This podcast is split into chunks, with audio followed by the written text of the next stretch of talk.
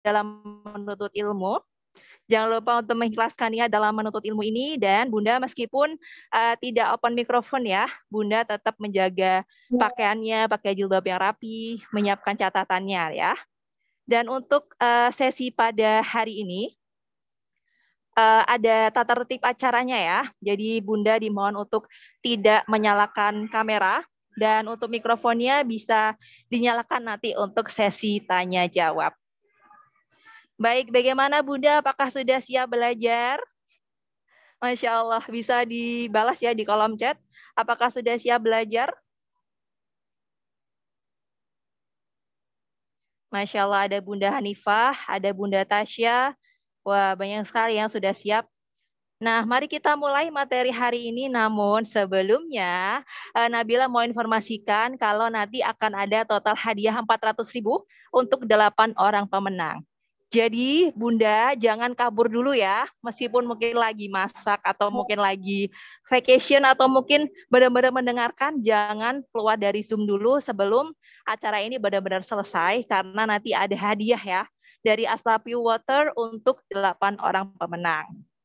Dan untuk sesi tanya jawab nanti Bunda bisa langsung kirim pertanyaannya di dalam kolom Q&A dan nanti juga kami berikan fasilitas untuk raise hand ya. Baik, Masya Allah ini Ustadz sudah ada di tengah-tengah kita. Masya Allah, mari kita sapa beliau terlebih dahulu. Assalamualaikum warahmatullahi wabarakatuh, Ustadz. Ya, Waalaikumsalam warahmatullahi wabarakatuh. Suara saya bisa didengar dengan jelas? Sudah Ustadz, sudah bisa didengar. Oh baik, Alhamdulillah. Bagaimana kabarnya Ustadz? Alhamdulillah sehat, walafiat. Alhamdulillah, semoga Allah senantiasa jaga Ustadz ya. Amin, amin. Nah, baik sebelum Ustadz menyampaikan materi, izinkan kami untuk menyampaikan biodata dari Ustadz Abu Salma Muhammad. Masya Allah, beliau ini dulu pernah berkuliah ya di Institut Teknologi 10 November Surabaya. Wah, berarti ini beliau arek Surabaya ya Ustadz. Masya iya. Allah. Betul. Dan saat ini aktivitas beliau adalah Ketua Yayasan Anak Teladan dan Pembina Komunitas Orang Tua Teladan. Wah, Masya Allah. Semoga Allah senantiasa berikan kemudahan ya untuk semua kegiatan Ustadz. Amin. Allahumma amin. amin.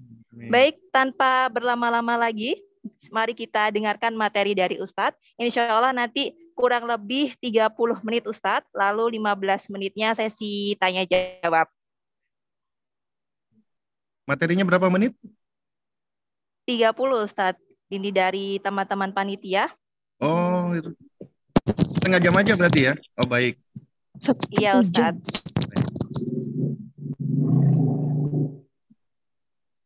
Ya, baik. Kurang Ustaz. lebih 30 sampai 40 Ustaz. Insya Allah begitu.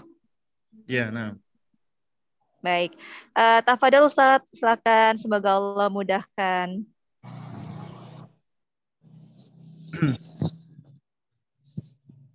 بسم الله. إن الحمد لله نحمده ونستعينه ونستغفره ونتوب إليه ونعوذ بالله من شرور أنفسنا ومن سيئات أعمالنا. من يهده الله فهو المهتد ومن يضلل فلن تجد له وليا مرشدا. أشهد أن لا إله إلا الله وحده لا شريك له وأشهد أن محمدا عبده ورسوله. لا نبي بعده أما بعد. آه، فإن أصدق الكلام كلام الله وخير الهدي هدي محمد صلى الله عليه وعلى آله وسلم. alaihi wa alihi wasallam وشر الأمور محدثاتها وكل محدثة بدعة وكل بدعة ضلالة وكل ضلالة في النار أما بعد para akhwat dan para ummahat rahimani wa rahimakumullah alhamdulillah kita bersyukur di pagi hari ini kita diizinkan oleh Allah Subhanahu wa taala untuk bersua di pertemuan kita yang kesekian kalinya ya bersama dengan teman-teman dari Aslah dengan uh, parentingislam.id dan juga yang mensupport acara ini. Ya, dan insya Allah di pagi hari ini selama setengah jam ya. Jadi ini saya kira ya kita sampai dua jam ya. Ternyata cuma setengah jam ya. Jadi Afwan Ustaz. Ternyata kita... 60 Ustaz. Kenapa? Oh. 60 60 menit insya Allah. Apa tadi ya? Anda salah menyampaikan? Iya. Oh, baik, iya. Soalnya kalau kalau setengah jam itu cuma ikip-ikip aja berarti itu. baik. Insya Allah di kesempatan ini kita akan uh, berbicara tentang berbekal ya menjadi bunda salihah. Di sini saya udah nyiapkan ada slide ya. Ini sebenarnya memang kumpulan dari materi-materi yang telah disampaikan. Ya, jadi ada 32 halaman dan tentunya 32 halaman ini eh, kemungkinan besar akan kesulitan untuk bisa kita selesaikan semua ya. Jadi kita insya Allah akan akan membahas uh, sesuai dengan waktu ya insya Allah. Baik, jamaah sekalian yang dimuliakan Allah Subhanahu Wa Taala ya. Di awal ini yang perlu untuk kita sampaikan adalah Anda wahai para akhwat, para umahat adalah makhluk yang Allah istimewakan. Allah Subhanahu wa taala ketika menciptakan Anda ya, Allah bentuk Anda di dalam rahim ibu-ibu kita ya. Allahu yusawwirukum fil arham. Allah yang membentukmu di dalam rahim-rahim ibu kita itu Allah sudah membentuk kita.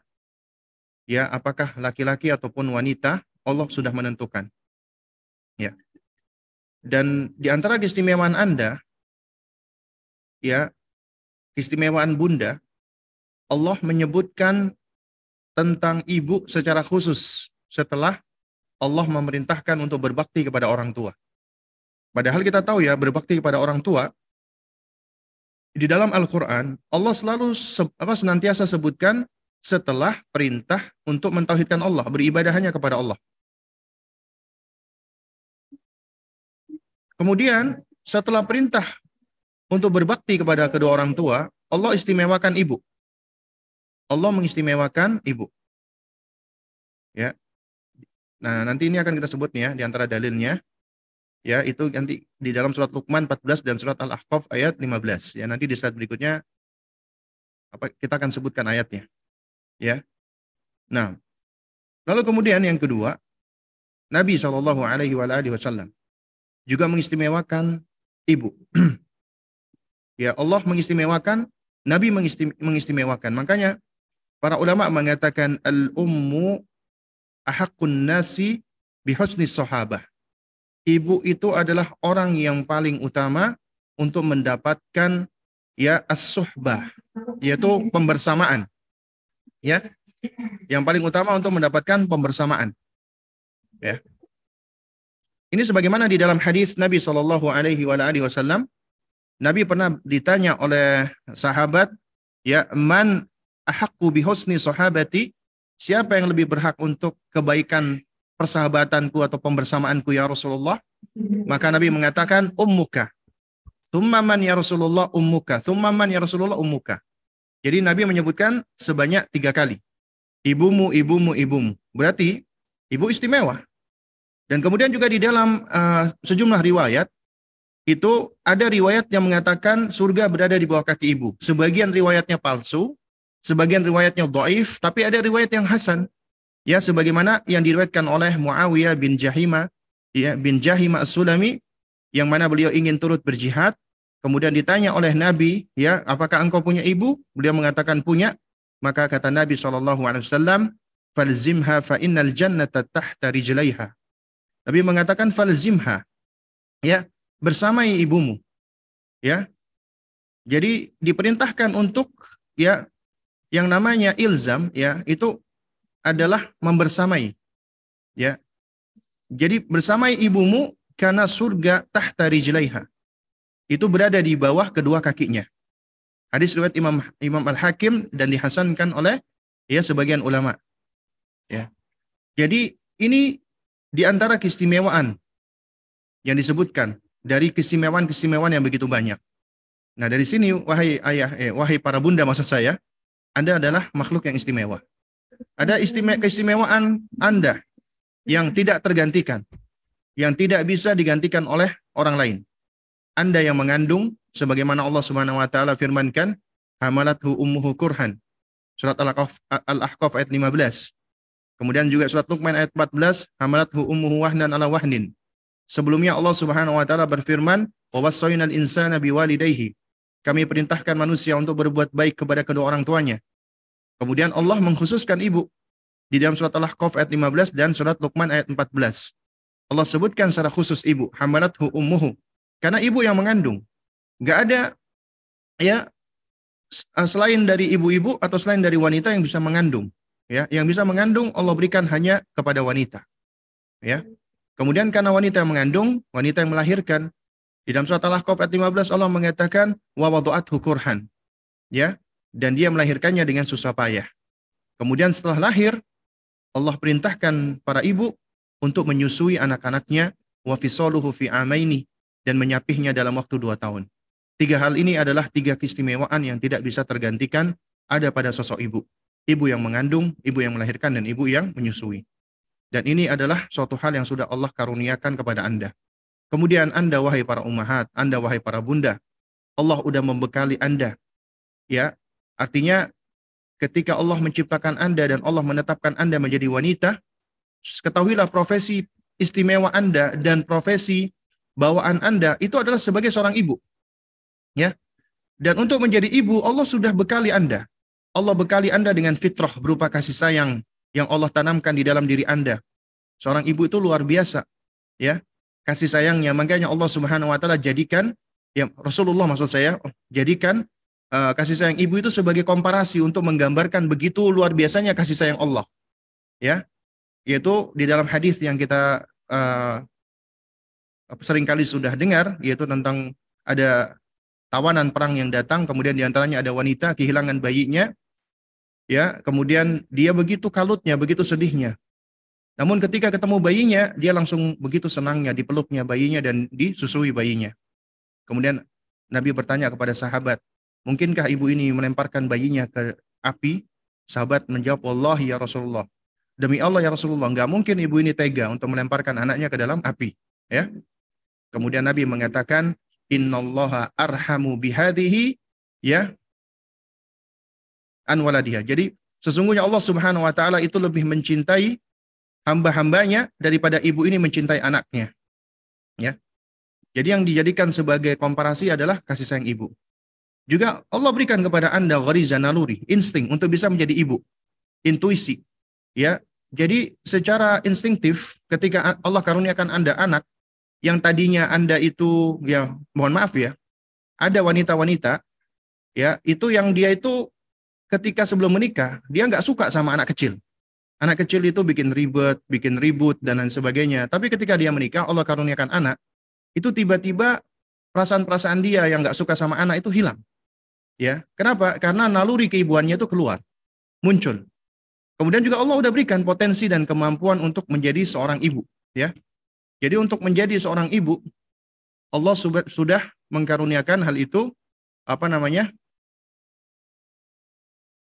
kepada masing-masing Anda, ya. Jadi nggak ada alasan Anda tidak apa maksudnya uh, saya nggak mampu untuk untuk untuk apa ya untuk uh, apa ya namanya untuk menjalankan sebagai peran ibu ya. Karena Allah mengatakan la yukallifullahu nafsan illa wus'aha. Allah Subhanahu wa taala dia tidaklah memberikan beban melebihi daripada kapasitasnya, ya. Nah, baik. Jamaah sekalian melihat Allah Subhanahu wa taala, demikian pula Allah sudah berikan berbagai macam instrumen kepada Anda agar Anda bisa menjadi ibu yang seutuhnya. Allah berikan kepada Anda instrumen berupa fisik. Ya, artinya secara physically Anda diberikan Allah kemampuan untuk mengandung, melahirkan, dan menyusui. Kemudian Anda juga diberikan instrumen untuk bisa terus belajar, mengupgrade pengetahuan. Kemudian instrumen untuk memahami dan mengenali diri dan seterusnya. Ini adalah hal-hal yang sudah Allah Subhanahu wa taala karuniakan dan berikan kepada Anda.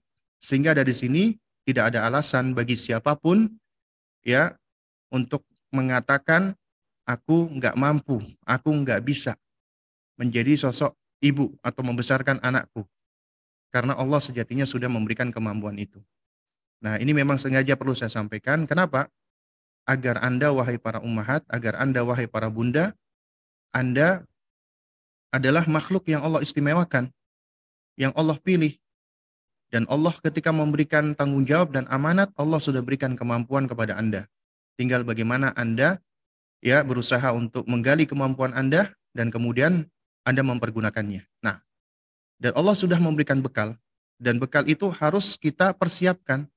Apa di antara bekalnya? Yaitu mengenali Allah. Jadi Allah sudah berikan kita fitrah.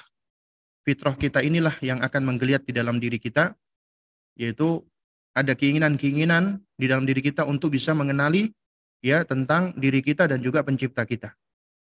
Ya, karena nggak mungkin kita ada di alam semesta ini tanpa ada tujuannya. Dan nggak mungkin kita ada di alam semesta ini, ya, uh, kita ada dengan begitu saja. Pasti ada penciptanya. Dan secara fitrawi, ya, uh, kita akan diajak untuk berusaha mengenali pencipta kita. Dan alhamdulillah Allah berikan tanda-tandanya, ayat-ayatnya, ayat kaunia dan kauliah. Ayat kaunia berupa ciptaannya, ayat kauliah berupa firmannya. Dengan kedua tanda ini, kita akhirnya bisa lebih mengenali pencipta kita. Dan untuk itulah Allah menciptakan kita. Allah menciptakan kita sebelum Allah perintahkan ibadah untuk mengenali Allah terlebih dahulu. Ya, lita'lamu ya annallaha ala kulli syai'in qadir. Agar kamu mengenal Allah bahwasanya Allah itu berkuasa atas segala sesuatu. Ya. Dan siapa yang berusaha untuk mengenali Allah, pasti dia akan mencintai Allah, pasti. Siapa yang berusaha untuk mengenali penciptanya, dia akan takjub dengan tanda-tanda yang Allah berikan. Dan ketakjubannya itu akan menjadikan dia senang dan cinta dengan Allah. Dan kecintaannya itulah yang akan mendorong dia untuk mendekat dan beribadah tunduk patuh kepada Allah. Dan setelah mengenali Allah, seseorang akan lebih mampu untuk mengenali dirinya. Kita adalah makhluk yang Allah ciptakan. Diriku adalah sosok yang paling dekat dengan diriku sendiri dan Allah perintahkan untuk menjaganya. Allah berfirman, "Ku anfusakum wa ahlikum nara." Jagalah dirimu dan keluargamu dari siksa neraka. Perintah Allah pertama adalah untuk siapa? Untuk diri kita, sendiri menjaga diri kita. Juga Allah berfirman, ya, ya ayyuhalladzina amanu alaikum anfusakum. Wahai orang-orang yang beriman, perhatikanlah dirimu sendiri. Jadi kita disuruh memperhatikan diri kita dahulu, ya. Nah, juga Allah jadikan di dalam diri kita itu ada tanda-tanda kebesaran Allah Subhanahu wa taala sebagaimana firman-Nya, ya wa fi anfusikum afala tubsirun dan juga di dalam diri kalian ada tanda-tanda. Lantas kenapa kalian tidak mau memperhatikannya? Ya jadi kita diminta diperintah untuk memperhatikan diri kita ya. Mengamati diri kita mengobservasi diri kita mengenali diri kita. Dan siapa yang mengenali dirinya dia akan menghargai dirinya mencintai dirinya. Dan dia nggak sudi ya dirinya itu ditempatkan di tempat-tempat yang hina dan rendah. Dengan mengenali diri anda akan mengenali potensi dan bekal yang sudah Allah berikan. Anda pun akan belajar mengenali perasaan dan emosi yang Anda miliki, termasuk apa yang men-triggernya. Anda juga akan mengenali hak Anda dan tanggung jawab Anda, dan Anda akan mengenali juga peran dan tugas Anda. Setelah itu, Anda akan lebih mudah untuk memahami diri. Kalau Anda sudah mampu memahami diri, akan hadir namanya self-awareness. Self-awareness inilah yang akan menggiring kita untuk berbuat dengan ya kalau istilahnya orang-orang yang banyak dipakai saat ini ya di dalam dunia parenting mindfulness. Ya itu kita bisa melakukan sesuatu dengan penuh mindfulness. Kita akan lebih mampu untuk meregulasi diri adoptun nafsi. Dengan mampu untuk untuk meregulasi diri kita akan bisa menjadi sosok yang lebih baik. Nah kemudian setelah itu baru kita akan mampu untuk apa? Untuk uh, berbuat dan berlaku baik kepada orang lain termasuk suami dan anak kita. Kita akan lebih bisa mengenali anak kita, mengenali potensi mereka, mengenali status dan peran mereka. Anak adalah sebagai hibah, pemberian dari Allah harus kita syukuri, ya. Harus kita jaga, kita pelihara. Anak adalah perhiasan ya yang juga kita harus bersyukur dan juga kita pun harus uh, apa namanya uh, menjadikan anak jangan sampai kita lalai dari Allah. Anak juga ujian, ya. Bahkan anak bisa menjadi musuh bagi kita. Tapi juga anak bisa menjadi penyejuk mata bagi kita, qurratul ain. Nah, kemudian juga kita perlu untuk mengenali anak-anak kita itu unik, punya sifat, karakter, potensi yang nggak sama satu dengan yang lainnya. Makanya jangan banding-bandingkan mereka. Dan mereka juga akan mengalami fase-fase perkembangan hidupnya. Mereka juga punya bakat, minat yang satu dengan yang lainnya nggak sama. Itu tugas kita sebagai orang tua, mengenali dan kemudian kita akan mengarahkan mereka sesuai dengan bakat dan minat tersebut. Nah, lalu Anda sebagai ibu, Anda perlu mempersiapkan diri Anda. Ya, apa yang perlu dipersiapkan? Tentunya persiapan fisik. Ya. Persiapan fisik ya. Uh, apa namanya? Jadi persiapan fisik ya yang yang perlu kita siapkan ya. Kita tahu ya kalau Allah memberikan kita anak-anak, apalagi anak usia dini, ya kita tahu ya karakter mereka itu kan aktif. Nah, inilah di antara anjuran kenapa Nabi Shallallahu Alaihi Wasallam itu itu menganjurkan kita menikah di usia muda, agar kita lebih memiliki kemampuan untuk pembersamaan atau membersamai, ya, membersamai anak-anak kita. Sebentar ya.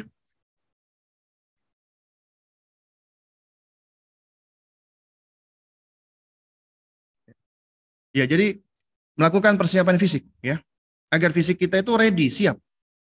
Ya, siap untuk bisa mengemban tanggung jawab. Nah, oleh karena itu apabila uh, seseorang misalnya dia menikahnya di usia yang udah nggak muda lagi, dia akan kesulitan, taap dia, capek. Apalagi ngurusin anak-anak usia dini karena anak usia dini itu sangat aktif. Sehingga kita perlu untuk apa ya untuk uh, memiliki tingkat keaktifan ya untuk bisa membersamai anak-anak kita tersebut ya. Kemudian juga selain persiapan fisik ya, itu juga butuh persiapan mental ya. Ini harus ya, kita harus mempersiapkan mental kita, mempersiapkan secara psikis kejiwaan kita, kemudian juga persiapan akal karena kita akan tinggal dengan orang yang tadinya belum kita kenal, kita harus uh, bisa apa ya maksudnya dengan akal ini kita akan mampu untuk lebih apa regulasi diri ya. Uh, dan juga kita perlu berbekal dengan ilmu dan tentunya perlu juga persiapan materi. Ini di antara hal-hal yang perlu kita siapkan. Nah, baik. Lalu kemudian berikutnya adalah kita tahu ya wanita itu kata Nabi Shallallahu Alaihi Wasallam adalah penghuni neraka yang paling banyak. Wanita, penghuni neraka yang paling banyak. Ya. Dan Nabi ketika menyampaikan seperti ini, itu adalah berangkat dari wahyu. Karena ditunjukkan oleh Allah Subhanahu wa taala ya kondisi neraka ternyata penghuninya paling banyak adalah wanita. Ketika ditanya, "Kenapa ya Rasulullah wanita yang paling banyak?" Nabi mengatakan bikufrihinna. Karena kekufuran mereka. Sahabat bertanya lagi, "Yakfurna billah ya, ya Rasulullah?" Apakah karena mereka kufur kepada Allah wahai Rasulullah? Nabi mengatakan, "Bukan. Yakfurna bil ashir." Mereka kufur terhadap suami ya sehingga akhirnya kekufuran wanita terhadap suami itu bisa menjadi sebab Allah menjebloskan wanita ke dalam neraka wal billah.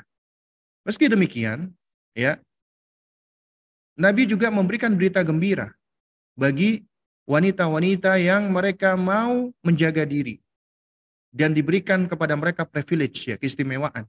Mereka bisa masuk surga dari pintu surga mana saja yang mereka inginkan. Dan ini adalah karakter wanita salihah. Ada empat kunci bagi wanita.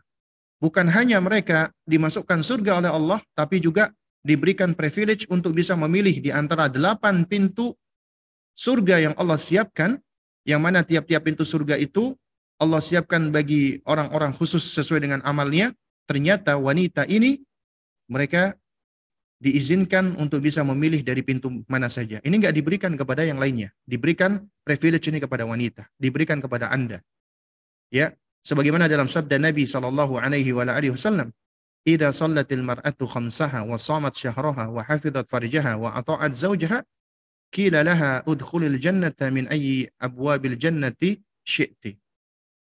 Jika seorang wanita dia selalu menjaga salat lima waktu, berpuasa di bulan Ramadan, menjaga kesuciannya, menjaga kemaluannya, dan taat kepada suaminya, maka di hari kiamat dikatakan kepadanya, masuklah engkau ke surga melalui pintu mana pun yang engkau senangi, yang engkau kehendaki. Ya Allah Akbar.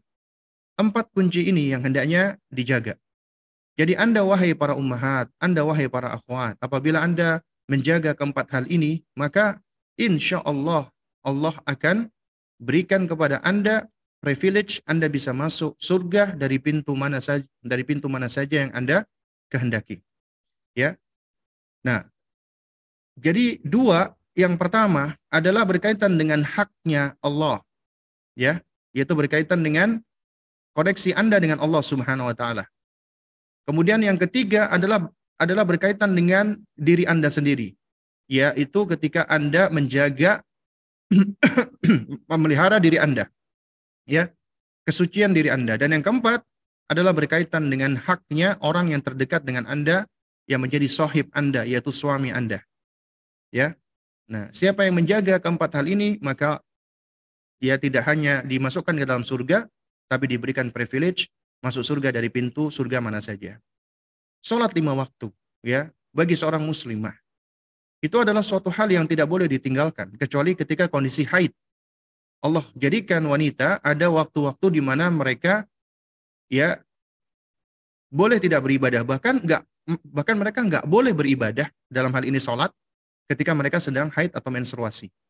Inilah di antara yang disebutkan oleh Nabi di antara bentuk ya nukson alias uh, kurangnya wanita dari sisi agama. Dan ini pula yang di, di, apa disebutkan oleh para ulama ahli tafsir ketika ibunda Hana, ibunya Maryam alaihissalam yang telah menazarkan anak yang ada di dalam rahimnya untuk menjadi muharrar. Muharrar itu orang yang akan berkhidmat beribadah sepanjang waktunya di mihrab ya dia menghidmatkan dirinya untuk beribadah kepada Allah. Nah, beliau nggak menyangka ternyata anaknya perempuan. Makanya beliau mengatakan, Ya Rabbi ini wadha'tul untha. Wahai Rabbku, aku ternyata melahirkan perempuan. Ya, dan beliau mengatakan, ya laisa dzakaru kal untha. Anak laki-laki nggak sama dengan anak perempuan.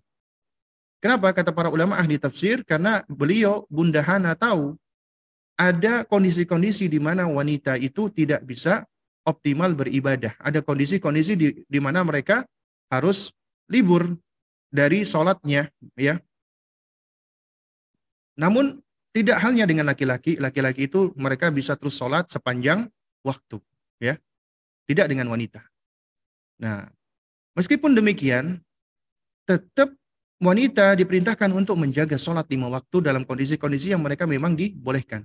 Karena kita tahu sholat adalah imaduddin, tiangnya agama. Apabila runtuh, maka akan runtuh semuanya. Dan sholat adalah ibadah yang pertama kali akan dihisap oleh Allah Subhanahu wa Ta'ala. Apabila sholatnya bagus, maka akan bagus atau baik pula seluruh amalnya. Salat adalah yang membedakan antara muslim dengan kafir. Karena Nabi mengatakan al-ahdu bainana wa bainahum as-salah faman tarakaha faqad kafara. Yang membedakan antara kami dengan mereka orang kafir adalah salat. Siapa yang meninggalkan salat maka sungguh dia telah kafir. Ya, jumhur sahabat mengkafirkan orang-orang yang meninggalkan salat meskipun mereka meninggalkannya kusala karena malas. Ya, meskipun jumhur dari para apa namanya? A'immatul arba'ah, ya empat imam madhab, kecuali Imam Ahmad, berpendapat tidak kafir. Tapi mereka jatuh kepada dosa besar yang lebih besar daripada dosa zina, lebih besar daripada dosa riba, ya, lebih besar dari dosa begal, rampok, dan yang semisalnya, yaitu meninggalkan sholat dengan sengaja. Ya, dan sholat mencegah dari perbuatan keji dan mungkar. Loh, tapi Ustadz banyak orang yang sholat tapi ngomongnya riba, ngomongnya nggak baik. Maka ya orang-orang seperti ini adalah mungkin orang yang sholat zohirnya, fisiknya sholat, tapi ternyata sejatinya hatinya tidak sholat. Dia tidak menjiwai sholatnya. Sholatnya hanya pergerakan badan saja. Karena orang-orang yang sholat, ya sesuai dengan apa yang dituntunkan oleh Nabi, karena substansi sholat itu adalah khusyuk dan tumak nina. Ya, dia menghadirkan jiwa dan raganya menghadap kepada Allah Subhanahu wa taala. Dan dia menjiwai apa yang dia baca. Makanya di antara yang diterangkan oleh Syekh Utsaimin, wajib bagi muslim belajar bahasa Arab setidaknya agar bisa memahami apa yang dia baca ketika sholat. Itu yang paling penting. Mungkin dia nggak nggak ngerti, belum bisa ngomong bahasa Arab misalnya, baca kitab Arab. Tapi minimal dia harus tahu ketika sholat apa yang dia baca, apa artinya, apa maknanya. Ya, agar dia bisa menjiwai sholatnya. Itu yang paling wajib. Ya, jadi belajar bahasa Arab untuk memahami bacaan salat kita.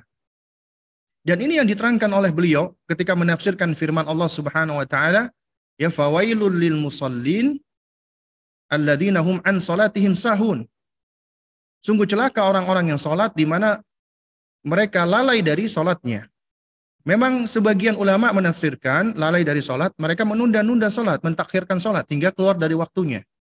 Tapi Bukan hanya ini pendapat dari ulama. Di antara pendapat ulama yang dikuatkan oleh Syekh Utsaimin adalah mereka yang ketika sholat, ya, namun mereka tidak memahami sholatnya, ya.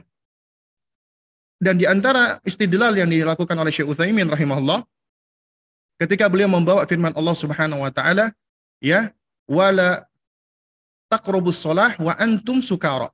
Janganlah kamu mendekati salat sementara kamu dalam keadaan mabuk. Ya. Di antara alasan kenapa Allah melarang orang-orang mabuk itu mendekati salat karena mereka lalai dengan bacaannya. Mereka nggak ngerti dengan bacaannya. Nah, oleh karena itu orang-orang yang mereka sholat tapi nggak ngerti bacaannya itu termasuk orang yang lalai. Dan itu orang yang yang di, yang diberikan ancaman dengan wail kecelakaan, ya. Fawailul lil musallin. Nah, jadi orang-orang yang mereka ngerti dengan sholatnya, menjiwai sholatnya, maka sholatnya itu akan mencegah dari perbuatan keji dan mungkar. Bahkan sholatnya bisa menjadi sebab penolong bagi dirinya. Nah, oleh karena itu Allah memerintahkan bagi orang-orang beriman ketika mereka kesulitan, apa perintah Allah? Ya, wasta'inu bisabri wassalah. Jadikanlah sabar dan salat sebagai penolong bagimu. Ya. Nah, jadi ibu-ibu sekalian yang dimuliakan Allah. Salat itu di antara karunia Allah loh. Yang besar. Karena ketika Allah meletakkan kita di bumi, jiwa-jiwa manusia yang bersih, yang masih berada di atas fitrahnya, itu rindu untuk bertemu dengan penciptanya. Kita kepingin untuk segera bisa bersua dengan Allah pencipta kita. Jadi fitrah itu yang menggeliat di dalam diri manusia-manusia yang masih berada di atas fitrah. Pengen bertemu dengan Allah subhanahu wa ta'ala. Rob yang menciptakan dia. Karena di dalam tubuh kita, Allah sudah tanamkan, kita cinta dengan Allah subhanahu wa ta'ala. Tapi di dunia kita diuji oleh Allah. Kita belum bisa bertemu langsung dengan Allah. Tapi Allah maha baik. Allah mi'rajkan Rasulullah sallallahu alaihi wasallam dan Allah berikan hadiah yang paling besar bagi bagi manusia. Apa itu? sarana untuk bisa berkomunikasi dengan Allah. Salat. Itu harus kita ajarkan kepada anak-anak kita. Bukan cuman kita perintahkan mereka sholat. Cuman kita suruh mereka sholat. Tapi mereka nggak tahu esensi dan substansi daripada sholat. Sholat itu nikmat yang Allah berikan. Makanya Allah jadikan sholatnya Rasulullah itu sebagai apa? Qurratul a'yun, penyejuk mata bagi Nabi Shallallahu Alaihi Wasallam. Karenanya ketika datang waktu sholat, ya beliau memerintahkan Bilal, "Ya Bilal, kum fa'arihna bis salah." Wahai Bilal, bangunlah. Kum. Iqamahlah. Fa'arihna bis salah dan bahagiakan kami dengan salat. Karena salat itu yang membuat bahagia. Juga demikian itu dikatakan uh, di dalam sebuah riwayat ya. Itu dikatakan ida apa namanya? habasal amru ala Nabi SAW apabila Nabi SAW itu dilanda suatu kesulitan atau masalah, fasalla, maka beliau salat. Jadi ketika beliau mengalami, Bapak mengalami kesulitan, beliau salat.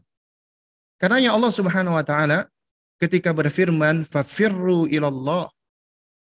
Berlarilah engkau kepada Allah. Ya.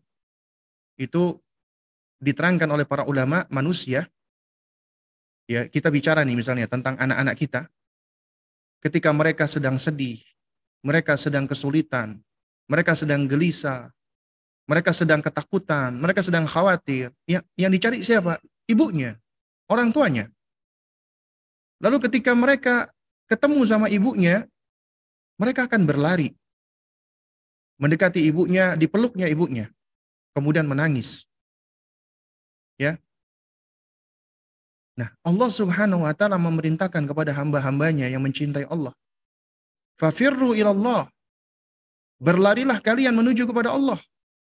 Ketika kalian sedang dilanda kesulitan, gelisah, ya khawatir, takut, lari kepada Allah. Ada masalah, segera lari kepada Allah. Ya, ambil me time Anda. Kemudian buka sejadah Anda. Ambil air wudhu Salatlah. Mendekatlah kepada Allah. Bermunajat kepada Allah. Curhat kepada Allah. Karena nggak ada yang bisa menolong kita kecuali Allah Subhanahu wa taala. Apa pun problem kita, masalah kita. Itulah salat yang Allah berikan apa kepada kita. Bukan hanya mencegah dari perbuatan keji dan mungkar. Tapi itu juga bisa menjadi salah satu sebab apa namanya uh, pertolongan bagi kita. Salat juga dapat menghapuskan dan mencuci dosa kita. Karena kata Nabi Shallallahu Alaihi Wasallam, ya di antara satu salat dengan salat berikutnya kafar lima bainahuma. Itu terdapat penggugur dosa di antara satu dengan yang lainnya. Dan sholat adalah nur, cahaya di hari kiamat yang akan menjadikan wajah-wajah ya orang-orang yang sering sering menegakkan sholat itu menjadi bercahaya ya. Dan sholat adalah wasiat terakhir Nabi Shallallahu Alaihi Wasallam. Jadi di antara yang beliau wasiatkan sebelum beliau wafat adalah sholat karena nanti yang akan dicabut oleh Allah pertama kali ya dari ibadah adalah sholat orang-orang meninggalkan sholat dan ini sudah menjadi wakil kenyataan. Banyak orang-orang yang meremehkan sholat oleh karena itu para umahat jaga sholat karena Anda sedang menjaga hubungan Anda dengan Allah. Ketika Anda menjaga hubungan Anda dengan Allah Subhanahu wa taala, Allah akan bantu Anda untuk menjaga hubungan Anda dengan selain Allah, dengan anak Anda, dengan suami Anda. Apabila Anda merasakan hubungan Anda dengan anak Anda sudah nggak begitu baik, maka sholatlah. Perbaiki hubungan Anda dengan Allah. Ya, sebagaimana kata Imam Al Hasan Al Basri, rahimahullahu taala, ya, man aslaha ma bainahu wa bainallah aslaha Allahumma bainahu wa bainan nas. Siapa yang memperbaiki koneksinya, hubungannya dengan Allah, Allah akan memperbaiki koneksinya dengan orang lain. Kemudian yang kedua adalah berpuasa Ramadan. Sebulan penuh. Tapi Ustadz kan ada haid. Iya. Yang menarik adalah ketika puasa, Anda haid, nggak boleh berpuasa, tapi Anda wajib mengganti di hari yang lain. Tidak dengan sholat. Itu baiknya Allah subhanahu wa ta'ala. Kenapa? Karena sholat adalah kewajiban kita sehari lima kali. Yang wajib itu. Ramadan setahun hanya satu bulan. Artinya Allah tahu tentang tentang kemampuan kita. Allah tahu tentang kemampuan Anda. Kalau sholat itu harus diganti ketika Anda misalnya haid, akan kesulitan. Orang yang nggak diganti aja lima, lima kali sehari aja sudah banyak yang meremehkan, meninggalkan. Karena itulah baiknya Allah Subhanahu wa taala. Salat yang Anda tinggalkan karena Anda haid nggak perlu diganti. Karena memang kondisi Anda adalah gugur kewajibannya. Tapi kalau puasa, Anda harus mengganti di hari yang lain. Dan Allah jadikan puasa itu istimewa. Ya. Dan Allah jadikan itu ibadah yang eksklusif. Ya. Allah mengatakan ya apa namanya? Allah melipat gandakan semua amal illas ya illas siyam atau illas saum kecuali puasa. Fa innahu li wa ana. Kecuali puasa, karena puasa itu adalah untukku, eksklusif untukku dan aku yang akan membalasnya secara khusus. Jadi itu adalah ya keistimewaan yang Allah berikan. Puasa juga bisa menjadi syafi' yang memberikan syafaat di hari kiamat sebagaimana dalam hadis bahwasanya Al-Qur'an was ya yashfa'ani fi yaumil kiamat akan memberikan syafaat di hari kiamat ya Lalu kemudian juga puasa adalah perisai yang akan menjadi penghalang kita dari keburukan-keburukan. Dan puasa adalah sebab kita memperoleh ampunan dari Allah dan menggugurkan dosa-dosa kita. Ya man soma Ramadhan imanan wa ihtisaban ghufira ma taqaddama min dhanbi. Siapa yang berpuasa karena keimanan dan mengharapkan balasan dari Allah, maka Allah akan ya gugurkan dosa-dosanya. Dan kemudian Allah sediakan babu royan, pintu royan bagi orang-orang yang berpuasa. Dan kemudian orang yang berpuasa diberikan dua kebahagiaan. Ya, kata Nabi SAW, ya, walis imi farhatan. Bagi orang yang berpuasa, farhatan, ada dua kebahagiaan. Pertama, ya, Ida aftara fariha fitrihi. Apabila waktunya berbuka, dia berbahagia dengan buka puasanya. Siapa sih yang nggak bahagia ketika berbuka puasa? Karena itu yang ditunggu-tunggu. Di dunia itu nikmatnya. Tapi di akhirat adalah apa? Adalah ketika dia dia akan berbahagia ya ketika laki ya rabbahu dia berjumpa dengan Allah. Jadi fariha bisaumihi dia akan bahagia dengan puasanya ketika dia bersua atau berjumpa dengan Allah. Karenanya jaga puasa Anda. Wanita ketika bicara tentang puasa wajib maka nggak perlu izin sama suami. Tapi kalau puasa sunnah izin sama suami selama suaminya berada di dekatnya. Ya. Asalkan suami berada di dekatnya. Kalau suaminya misalnya lagi kerja di luar kota, di luar negeri, ada puasa sunnah, anak nggak perlu izin sama suami. Karena di antara hikmah kenapa wanita harus izin sama suami, ya itu dalam rangka misalnya ketika Anda berpuasa, suami ingin misalnya melakukan uh, hubungan suami istri atau yang semisal makanya perlu izin dahulu agar anda tidak jatuh kepada uh, firman Allah, "Wala a'malakum." Janganlah kamu membatalkan amalan-amalan kamu. Lantaran apa? Lantaran misalnya diajak suami untuk berhubungan suami istri ketika Anda sedang puasa. Karena itu izin dulu sama suami. Tapi kalau suami sedang nggak ada di dekat, maka kita boleh untuk berpuasa sunnah tanpa ngomong. Nah ini dua, dua hal yang berkaitan dengan koneksi kita dengan Allah. Kemudian yang ketiga adalah berkaitan dengan kita menjaga muruah diri kita, menjaga kesucian diri kita, berkaitan dengan hak kita, menjaga kemaluan kita. Ya. Karena Allah Subhanahu wa taala itu sangat memperhatikan kemaslahatan diri kita. Makanya kita diperintahkan untuk menjaga diri kita, termasuk kesucian kita. Ya. Karena itu bagian dari kemuliaan kita. Karena Allah mengharamkan zina. Bukan hanya Allah haramkan, bahkan Allah perintahkan agar kita tidak mendekati zina. Allah Subhanahu wa taala ketika berfirman, Allah tidak tidak mengatakan janganlah kamu berzina. Ya, wala tazni atau wala taznu. Allah tidak mengatakan demikian, tapi Allah mengatakan wala taqrabuz zina. Janganlah kamu mendekati zina. Artinya, bukan hanya haram, berarti semua sarana yang dapat mendekatkan seseorang, mengarahkan seseorang kepada perzinahan haram. Dengan kata lain, Ya, segala sarana-sarana seperti media-media sosial apabila itu digunakan untuk ya hal-hal yang dapat mengarahkan kepada perzinahan, maka juga haram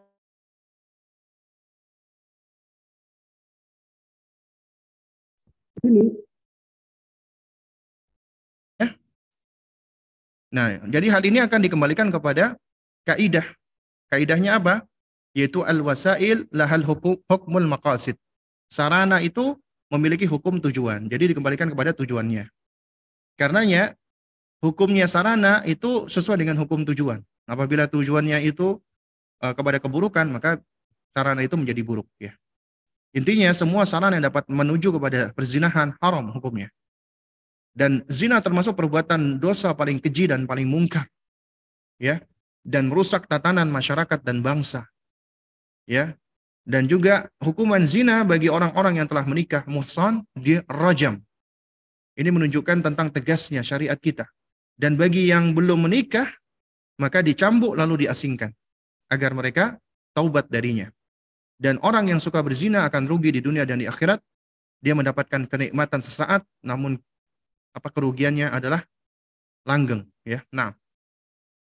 Kemudian juga zina dapat membunuh rasa malu. Nah, Kemudian yang keempat, ya, ini yang paling berat untuk para wanita. Ya. Alhamdulillah Ustadz, saya sholat, saya berpuasa, saya berhijab, saya menjaga hubungan saya dari laki-laki lain, tapi saya berat menaati suami. Kenapa? Suami saya itu orangnya nggak bertanggung jawab.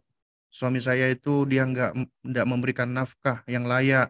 Suami saya itu orangnya temperamen, orangnya begini dan begitu. Berat untuk menaati suami. Karena suami ujian bagi istri, sebagaimana istri juga ujian bagi suami. Di antara ujian terbesar bagi wanita, itu bukan ibadahnya, tapi menaati suaminya. Ya. Padahal ini hubungan antara manusia, tapi bisa menjadi sebab seseorang atau seorang wanita masuk surga atau masuk neraka ketika dia berinteraksi dengan suami. Di dalam hadis Nabi SAW, apabila Anda ingin mendapatkan manisnya iman, ya, itu dengan cara apa? Dengan cara memenuhi haknya suami. Sebagaimana dalam sabda Nabi yang mulia SAW, wala tajidul mar'atu halawatal iman hatta tuaddi haqqa zawjiha. Seorang wanita tidak akan merasakan manisnya keimanan sampai ia memenuhi hak suaminya. Berarti harus tahu hak suaminya harus ngerti hak-haknya suami. Seorang ya muslim yang cerdas dia pertama berusaha untuk mengenali hak dulu. Karena hak itu berkaitan dengan kewajiban. Nggak ada hak, nggak ada kewajiban. Ketika kita tahu haknya suami, maka kita akan tahu kewajiban kita. Dan ketika kita melaksanakan hak dan melaksanakan kewajiban, insya Allah, Allah akan balas.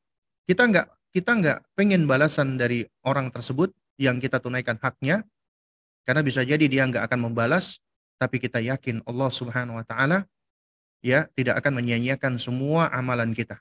Allah akan balas. Nah, Jamaah sekalian menggunakan Allah. Pernah suatu ketika ada seseorang yang ada seorang wanita yang minta nasihat kepada seorang syekh yang tua. Dia mengatakan, ya syekh, dahulu sebelum aku menikah, aku ini orang yang ketika sholat beribadah khusyuk. Aku ini orang yang ketika membaca Al-Quran menangis. Ya, dan aku adalah orang yang ketika menuntut ilmu, aku bersemangat. Namun setelah aku menikah ya Syekh, aku kehilangan ya itu semua. Seakan-akan ibadahku kehilangan rohnya. Ya, aku udah nggak lagi merasakan manisnya keimanan. Sholatku itu kayak berasa biasa-biasa saja. Jadi nggak ada nikmatnya lagi di dalam ibadahku. Apa jawaban Syekh tadi?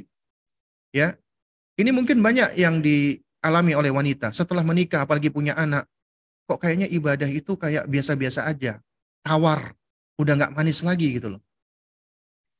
Itu dinasihatin oleh Syekh, bisa jadi apa yang engkau alami itu lantaran engkau tidak menunaikan haknya suami. Sebagaimana hadis ini tadi. Kita yakin nggak sih apa yang disampaikan oleh Nabi yang mulia alaihissalam itu adalah al-haq kebenaran? Dan yang Nabi sampaikan ini kebenaran. Wa mayantiku anil hawa in huwa illa wahyu yuha. Nabi itu nggak ngomong dari hawa nafsunya. Melainkan wahyu apa wahyu yang di Allah wahyukan kepada beliau.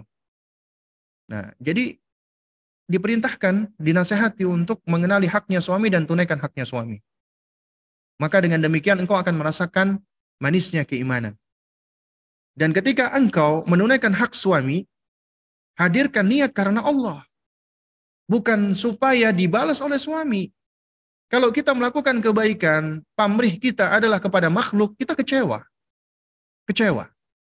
Tapi kalau kita menunaikan kewajiban, kita mengharapkan balasan dari Allah, siapa yang mengharapkan balasan dari Allah nggak akan kecewa. Nggak akan kecewa, abadan selamanya. Tapi kalau kita mengharapkan balasan dari manusia, pasti kecewa. Pasti kecewa. Karena ya harus karena Allah. Dan ingat, ketaatan wanita kepada suami itu bisa menjadi surga atau neraka bagi sang istri. Ya, ini sebagaimana di dalam sebuah hadis riwayat, ada seorang wanita yang datang, kemudian Nabi bertanya, apakah engkau punya suami? Nah, ya Rasulullah, aku punya suami.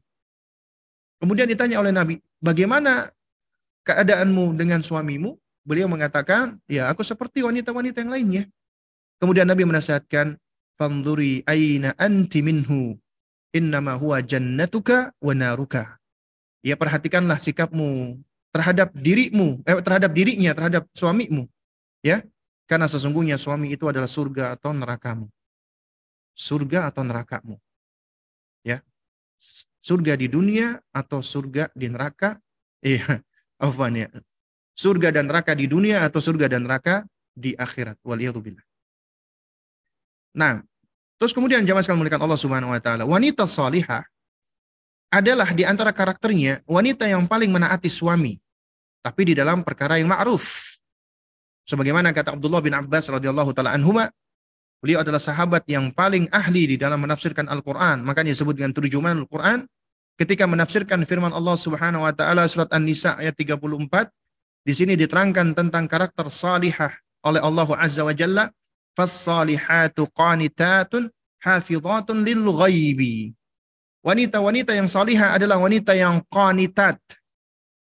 Mereka yang paling patuh tunduk kepada Allah wa hafizat dan menjaga dirinya lil ghaibi ketika suaminya tidak ada. Dikatakan oleh Abdullah bin Abbas, qanitat ya yakni apa? Yaitu adalah ta'iat li azwajihinna. Wanita-wanita yang taat kepada suami-suami mereka. Ya. Dan di sini disebutkan oleh Ibnu Abbas radhiyallahu taala anhuma mereka tidak disebut sebagai ta'iat. Nah, coba perhatikan, tidak dikatakan fasalihatu ta'iat, tapi qanitat. Ta'iat kan artinya adalah wanita-wanita yang taat. Tapi disebut qanitat. Karena kata qanitat dari kata kunut itu menunjukkan makna kepatuhan yang kuat dan sempurna. Ya, jadi bukan cuma sekedar taat, tapi ya di sini adalah dari kata konitat dari kata kunut. Ya. Itu patuh yang kuat dan sempurna. Itu karakter orang-orang atau wanita-wanita salihah. Kita lanjutkan sedikit lagi ya. Nah, Lalu bagaimana kita bisa tahu istri itu solihah atau tidak? Wanita yang patuh atau tidak? Nah di sini ada sejumlah hadis Nabi SAW. Di antara yang dikatakan oleh Nabi SAW adalah in nadhara ilaiha sarrathu. Apabila ia dipandang, maka ia menyenangkan hati suaminya. Ini perhatikan para akhwat, para ummahat.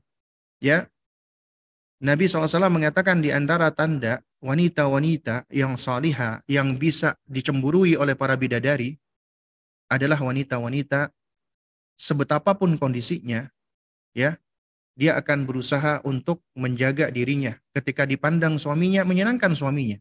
Gak mesti dia harus bersolek, gak mesti dia harus ke salon dulu agar suaminya apa namanya memandang itu senang. Gak, gak mesti. Bisa jadi mungkin dia lelah di rumah, tapi ketika suaminya pulang, dia menunjukkan wajah yang tenang, wajah yang ceria, wajah yang senang. Akhirnya suaminya, akhirnya suaminya pun juga juga senang.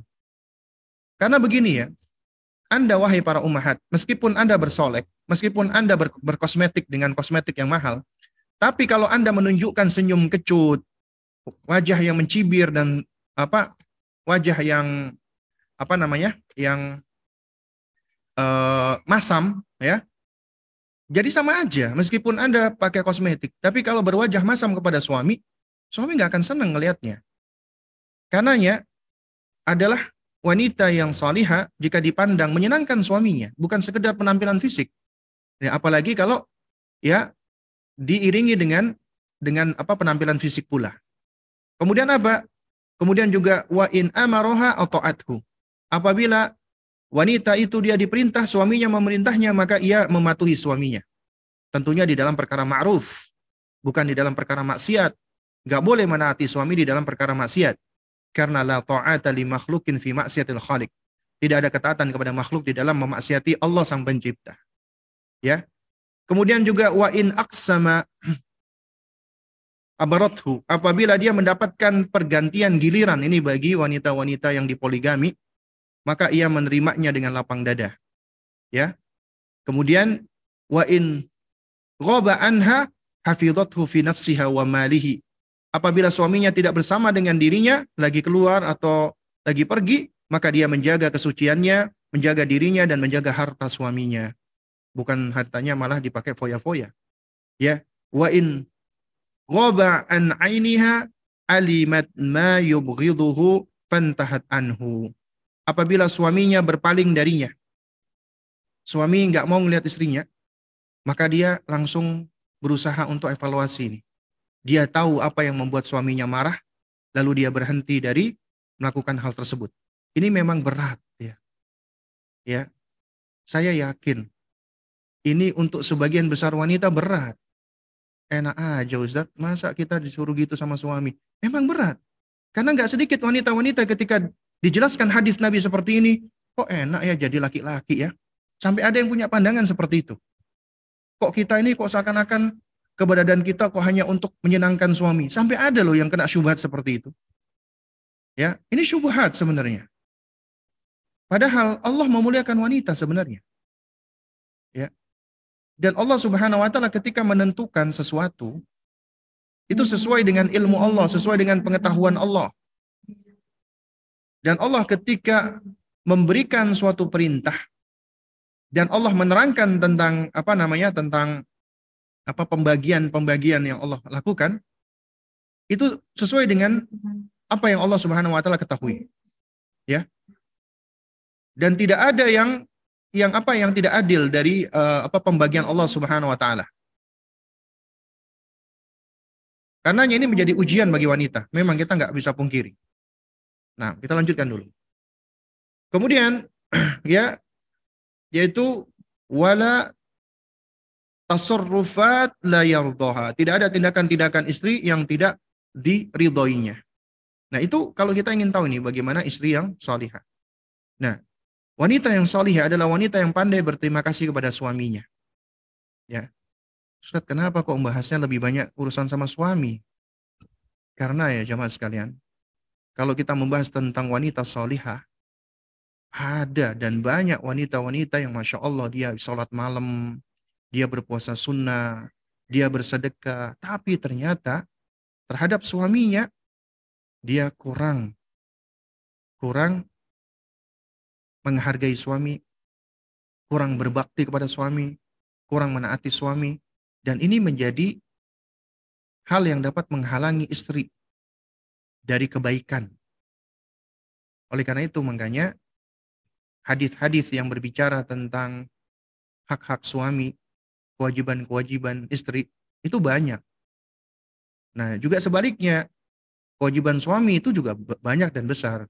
Tapi karena kesempatan atau momen yang kita bahas adalah tentang wanita, maka ya otomatis yang kita bahas adalah mengenai wanita. Jangan sampai ada pandangan bahasanya cuman cuman kewajiban-kewajiban kita aja. Karena memang kita bicara sesuai dengan judul, dengan tema. Kalau kajiannya bapak-bapak, ya berarti yang akan kita bahas adalah kewajiban kewajiban mereka dan kewajiban mereka menunaikan haknya wanita. Ya. Nah, dan wanita solihah adalah wanita yang pandai berterima kasih kepada suaminya. Karena ternyata nggak banyak wanita itu yang pinter, yang mau menghargai jeripaya suaminya.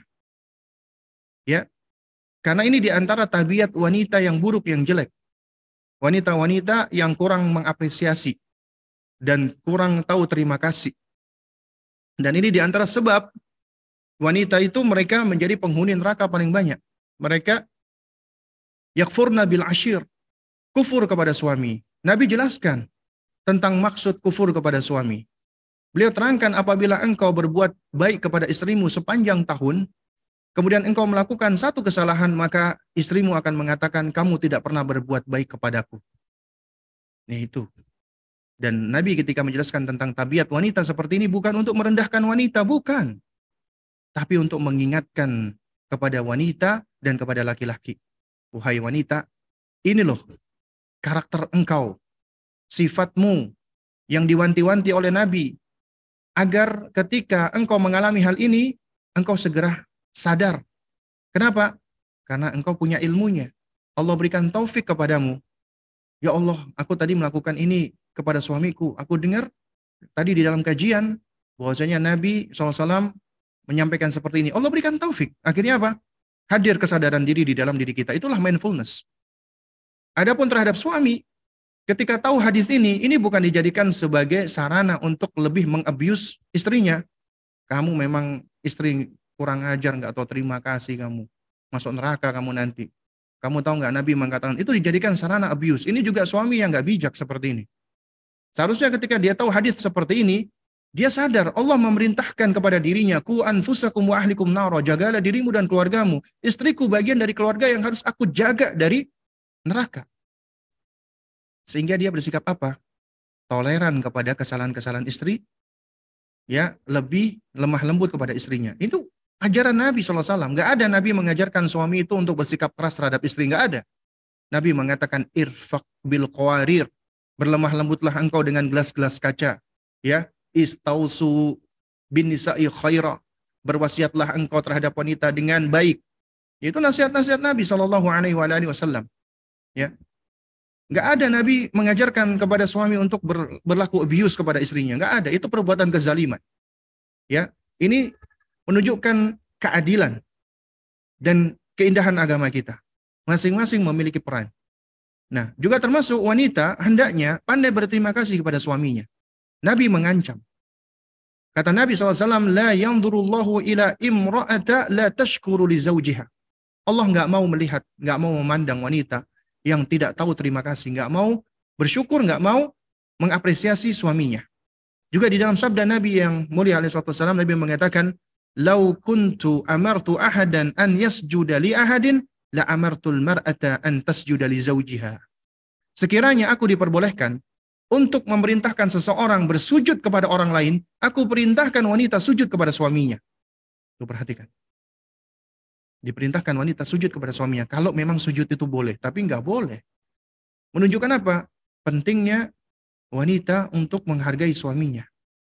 Ya, ingat ya jamaah sekalian ya para akhwat dan ummahat. Wanita salihah adalah wanita yang menyadari bahwa memenuhi hak suami termasuk bagian dari kewajiban memenuhi haknya Allah Subhanahu wa taala. Nabi wasallam bersabda, "Wala tu'addil mar'atu haqqallah azza wa jalla hatta tuaddi haqqa zawjiha." Ya. seorang wanita tidaklah dikatakan memenuhi haknya Allah sampai dia memenuhi hak suaminya secara utuh. Ya. Jadi nggak dikatakan dia memenuhi haknya Allah sampai dia memenuhi haknya suami. Juga di dalam sabda yang lain Nabi mengatakan isnanu la tajawazu ya salatahuma ya ru'usahuma ya ah, apa ada dua golongan yang salatnya tidak sampai melebihi kepalanya artinya tidak terangkat sampai kepada Allah Subhanahu wa taala. Ini bahasa kinaya, bahasa kiasan. Ya. Yang pertama adalah abdun abikun min mawalihi hatta yarja. Ya, abdun aikun min mawalihi hatta yarja.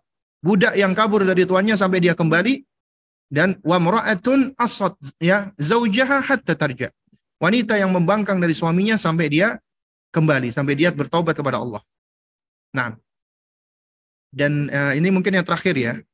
Karena di slide berikutnya sebenarnya adalah materi yang sudah beberapa kali saya sampaikan, yaitu berkaitan dengan karakter wanita salihah ada delapan, yaitu sebenarnya sudah sudah cukup sering saya sampaikan. Nanti bisa dilihat di rekaman-rekaman di YouTube, ya, uh, apa namanya tentang delapan karakter tersebut. Ya, nah wanita surgawi adalah sebagaimana kata Nabi Shallallahu Alaihi Wasallam. Nabi mengatakan, "Ala ukhbirukum binisaikum fil jannah." Maukah kalian aku kabarkan, aku ceritakan tentang wanita-wanita, tentang istri-istri kalian di dalam surga? Ya, Nabi mengatakan al-wadudu. Al-waludu. Wanita-wanita yang penyayang. Karena memang wanita-wanita secara asal penyayang. Tapi ternyata ada yang rusak fitrahnya. Menjadi tidak penyayang. Wanita ahli surga, wanita yang penyayang. Al-walud, yang subur. Lalu bagaimana Ustadz kalau yang nggak subur? Tentunya kita tahu ya, kesuburan itu adalah pemberian dari Allah Subhanahu wa taala. Ya. Jadi apabila memang ada wanita yang Allah tetapkan mandul tidak bisa punya anak, jangan jangan berkecil hati. Jadi ber, jadi kita menerima dengan apa yang Allah tentukan. Bersabar dengannya ya. Nah, jadi mereka adalah wanita-wanita yang penyayang, lagi subur, ya. Artinya subur di sini juga di apa di antara maknanya adalah dia mau untuk untuk apa ya? Untuk bersama-sama dengan suaminya berupaya untuk bisa uh, berketurunan. Meskipun itu dikembalikan kepada Allah, apakah Allah berikan keturunan atau tidak. Ya. Kemudian idza ghadibat au ya usi'a ilaiha au ghadiba zaujuha qalat. Ya. Apabila mereka marah apabila wanita tersebut marah emosinya keluar atau diperlakukan dengan keburukan wanita tersebut diperlakukan dengan tidak baik atau suaminya marah ya atau suaminya marah qalat maka wanita tersebut mengatakan hadhihi yadayya. Ini adalah kedua tanganku fi yadika. Ya hadhihi ya yadiyya fi yadika. Ini tanganku. Ya aku letakkan di genggaman tanganmu. La aktahilu bi ghamdin hatta tarda. Aku tidak bisa memejamkan mataku sampai engkau ridha kepadaku wahai suamiku. Ini wanita wanita ahli jannah. Berat enggak? Berat karena memang masuk ke surga nggak mudah. Untuk masuk ke surga diuji oleh Allah Subhanahu wa taala di antara ujian wanita adalah suaminya. Enak aja Ustaz, istri suamiku habis berbuat buruk kepada aku, masa aku yang disuruh minta maaf? Masa aku yang disuruh mengalah? Masa aku yang disuruh uh, apa meletakkan tangan? Yang nyuruh ini Rasulullah alaihi salatu wassalam. Kita umatnya Rasulullah. Kita percaya nggak sih dengan apa yang disampaikan oleh Nabi? Kalau kita percaya dan kita yakin, kita amalkan, kita praktekkan. Dan kita memang diuji untuk memilih antara kesalnya kita sama suami, marahnya kita dengan suami, jengkelnya kita dengan suami, dengan perintah Allah dan Rasulnya. Mana yang kita dahulukan? Seorang mukminah dia akan mendahulukan perintah Allah dan Rasulnya. Makanya nggak sama antara seorang istri yang diuji Allah dengan suami yang buruk, kemudian dia tetap berbuat baik dan taat kepada suaminya dengan seorang wanita yang Allah karuniakan kepadanya suami yang soleh, suami yang baik, kemudian dia taat kepada suaminya. Yang pertama ini, insya Allah pahalanya lebih besar. Kenapa? Karena dia diuji dengan ujian yang lebih besar. Ujian yang lebih besar, pahalanya insya Allah lebih besar. Dan wanita-wanita yang salihah adalah wanita-wanita yang lebih mengedepankan dan mendahulukan Allah dan Rasulnya. Dan mereka lebih ya mengedepankan Allah dan Rasulnya dibandingkan perasaannya, emosinya, temperamennya, kejengkelannya, kemarahannya. Mereka lebih mendahulukan Allah dan Rasulnya. Ya, karena itulah ini menjadi ujian yang gak mudah bagi sebagian besar wanita. Dan inilah karakter wanita-wanita wanita salihah. Insya Allah karakter wanita-wanita ahlu jannah. Mudah-mudahan yang sedikit ini bisa memberikan manfaat. Ya, karena sudah pukul 10, 10 ya. Berikutnya waktu dan tempat saya serahkan kembali kepada moderator kita. Nah,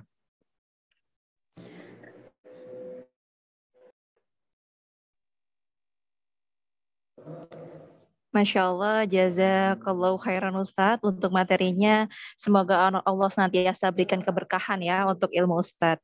Baik, untuk selanjutnya kita menuju ke sesi tanya jawab. Untuk Bunda yang ingin bertanya bisa silahkan raise hand ya. Sementara itu nanti kami juga baca juga di kolom chat. Alhamdulillah ini sudah ada yang raise hand Ustadz. Uh, Tafadoli Bunda Rara Rengganis. Bisa dinyalakan mikrofonnya. Assalamualaikum Bunda. Iya, Bunda Rarang Tengganis, bisa dinyalakan mikrofonnya? Uh, mungkin di unmute dulu kali.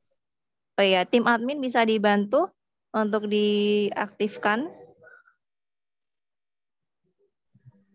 Nah, Bismillah, Assalamualaikum warahmatullahi wabarakatuh, Ustaz.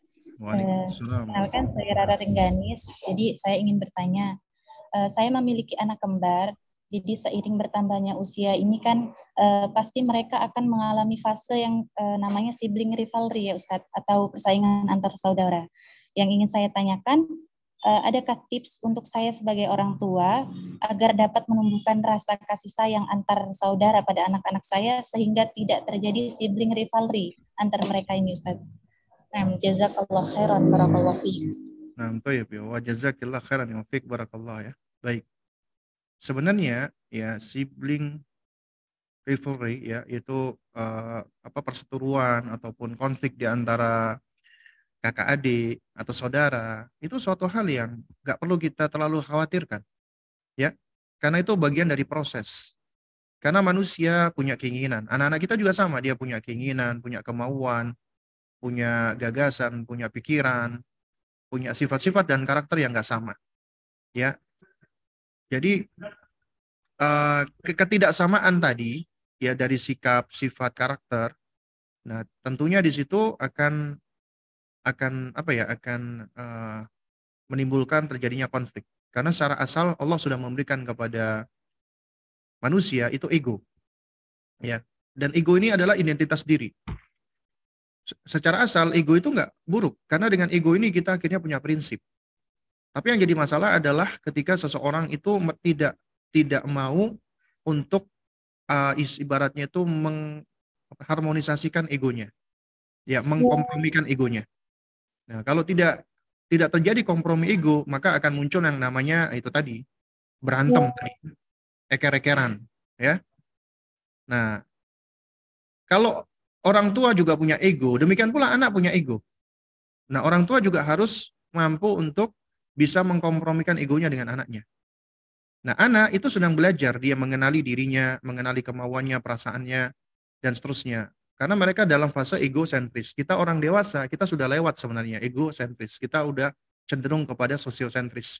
Artinya, kita sebagai orang dewasa, orang dewasa seharusnya lebih lebih mampu untuk berempati dan memahami anak kita karena kita pernah menjadi anak-anak tapi mereka apabila tidak memahami kita itu ya lumrah karena mereka belum pernah menjadi orang tua. Nah, tapi ketika mereka menghadapi dengan sesama mereka, kemudian mereka berantem, mereka konflik, mereka berkompetisi, itu suatu hal yang lumrah. Karenanya nasihat saya di sini adalah ya kita pertama nggak perlu terlalu khawatir dengan kompetisi mereka, eker-ekeran mereka. Yang kedua, Ketika mereka berantem misalnya, biarkan mereka menyelesaikan terlebih dahulu. Kita jangan intervensi. Karena itu adalah bagian dari mereka belajar menghadapi kesulitan. Mereka belajar untuk menghadapi apa konflik. Jadi biarkan mereka belajar menghadapinya. Mereka misalnya berantem ya kemudian mereka melakukan apa istilahnya ya sampai kata orang Jawa itu tukaran, biarkan dulu. Nah, tapi kemudian kalau sudah berbahaya, apa yang mereka lakukan. Yang satu bawa sapu misalnya, nah baru kita intervensi. Atau sudah berlebihan, yang satu sudah mengucapkan kata-kata kotor, maka kita intervensi, ya. Jadi kita harus harus uh, apa ya kalau udah udah dalam kondisi seperti ini kita harus mengintervensi untuk mengajarkan mereka tentang adab. Nah, kemudian yang ketiga, kita harus ngerti ya, anak-anak kita meskipun dalam kondisi egosentris, mereka tetap punya rasa sayang. Itu fitrah yang udah Allah tanamkan terhadap orang tuanya, termasuk terhadap saudaranya. Jadi ketika mereka sedang berkompetisi, itu adalah suatu hal yang normal. Tugas kita adalah kita cukup cukup apa ya? Cukup hmm. mengamati, membersamai dan mengarahkan, membimbing apabila memang sudah sudah waktunya atau kita melihat udah waktunya memang perlu untuk kita intervensi, kita intervensi. Apabila tidak, maka kita biarkan saja mereka agar mereka juga bisa menyelesaikan apa ya uh, konflik di antara mereka. Nah kemudian yang terakhir ya baru kita adakan acara-acara bareng-bareng sama-sama. Misalnya kita baca cerita bersama, kemudian kita apa namanya intinya begini. Kita libatkan mereka di dalam aktivitas-aktivitas bersama. Meskipun nanti mereka berkompetisi, nggak apa-apa. Yang penting kita libatkan. Karena itulah yang akan menguatkan bonding di antara mereka. Oh ya, kemudian yang paling terakhir lagi ya, last but not least adalah kita tetap berlaku adil kepada mereka. Jangan pilih kasih, jangan kita lebih uh, mendahulukan si yang satu dengan yang satunya. Itu akan akan apa? Akan menumbuhkan yang namanya hasad, iri, dengki dan itu bahaya. Karenanya kita harus sama-sama uh, berusaha untuk berbuat adil di dalam pemberian, di dalam hadiah dan seterusnya. Ya. Nah, insya Allah dengan ini ya mudah-mudahan Eh, Allah Subhanahu wa taala akan memberikan taufiknya untuk kita dan juga untuk anak-anak kita dan kita nggak perlu sebenarnya terlalu khawatir dengan adanya uh, sibling ya uh, apalagi kalau itu masih masih anak-anak nah kecuali kalau sudah gede udah dewasa mereka berkompetisi uh, dengan cara yang tidak sehat misalnya uh, ataupun juga dalam rangka untuk ngejar apa namanya materi ngejar warisan baru ini suatu hal yang yang apa ya maksudnya memang ya ini sebenarnya sih buah sih buah dari hasil pendidikan kita. Nah, Masya Allah, jazakallah khairan Ustadz untuk jawabannya. Uh, selanjutnya ada pertanyaan di dalam kolom chat yang sudah dipilih oleh tim Asla. Silakan ditampilkan.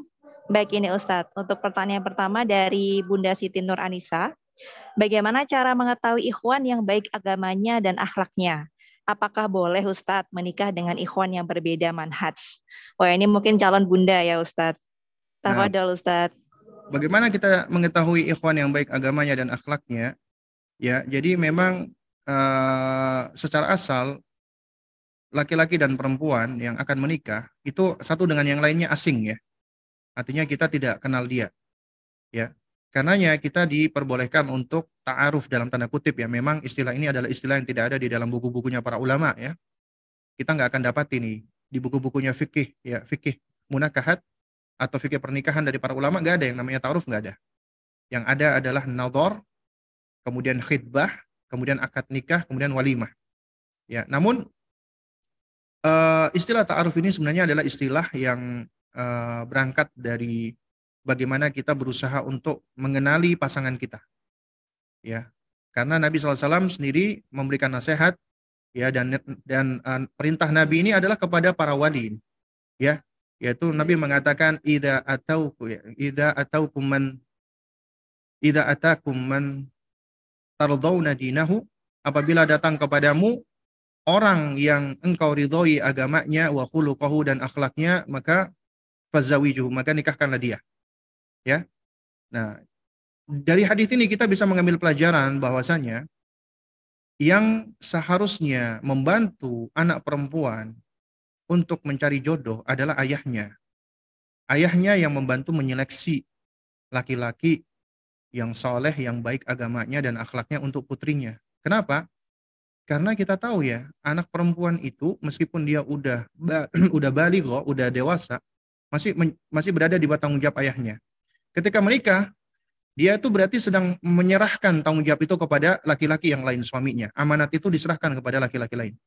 Karenanya sang ayah harus memilih menyeleksi jodoh yang yang tepat untuk anaknya. Dan yang menjadi standarnya dua, agama dan akhlak. Bagaimana kita bisa tahu bagaimana agama dan akhlaknya? Maka kita cari tahu dari orang-orang terdekatnya. Dari ibunya, dari saudarinya, dari ayahnya, dari teman-teman dekatnya. Kita berusaha untuk mencari tahu. Juga termasuk dari ustadznya atau gurunya apabila kenal. ya. Jadi kita bisa mencari tahu bagaimana orang ini dalam kesehariannya. ya. Jadi jangan tanya langsung apa kepada ikhwannya, akhi apakah antum orang yang soleh? Anak insya Allah soleh dong. Ya susah. Kenapa? Karena seseorang menjelaskan tentang dirinya itu berat. Ya. Dan itu sulit untuk dipercaya. Yang bisa kita cenderung untuk mempercayai apabila kita mengambil informasi dari orang-orang yang paling dekat dengan dirinya. Apakah boleh nikah dengan orang yang beda manhaj? Kalau kita ngomong tentang sah atau tidak sah, ya sah. Tapi kita bicara tentang bagaimana kita ingin membangun rumah tangga yang selamat, rumah tangga yang bisa bersinergi, melangkah bersama di dunia dan di akhirat. Kita bukan menikah untuk berkumpul di, di dunia saja. Karena apabila berbeda manhaj, sangat besar potensi untuk terjadi konflik, untuk terjadi uh, perselisihan dan pertikaian. Apalagi kalau seandainya itu menyelisih manhajnya ahlu sunnah. Dan laki-laki seorang imam Apabila imam ini dia memiliki pendapat-pendapat atau akidah dan manhaj yang menyimpang, maka tentunya akan menyeret anggota keluarganya. Dan itu ya. berbahaya. Berbahaya. Ibaratnya kita itu ingin naik di atas bahtera dan kita tahu ternyata nahkodanya adalah orang yang nggak tahu atau maksudnya orang yang ternyata destinasi destinasinya berbeda dengan kita. Ya,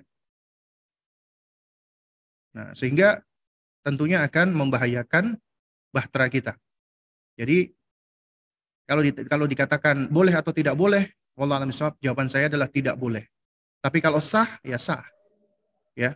Nah, Masya Allah, Barakallahu Fik Ustadz. Untuk pertanyaan kedua dari Bunda Mirna Juwita, di materi sebelumnya, Ustadz mengatakan perempuan atau bunda itu memiliki fitrah kasih sayang.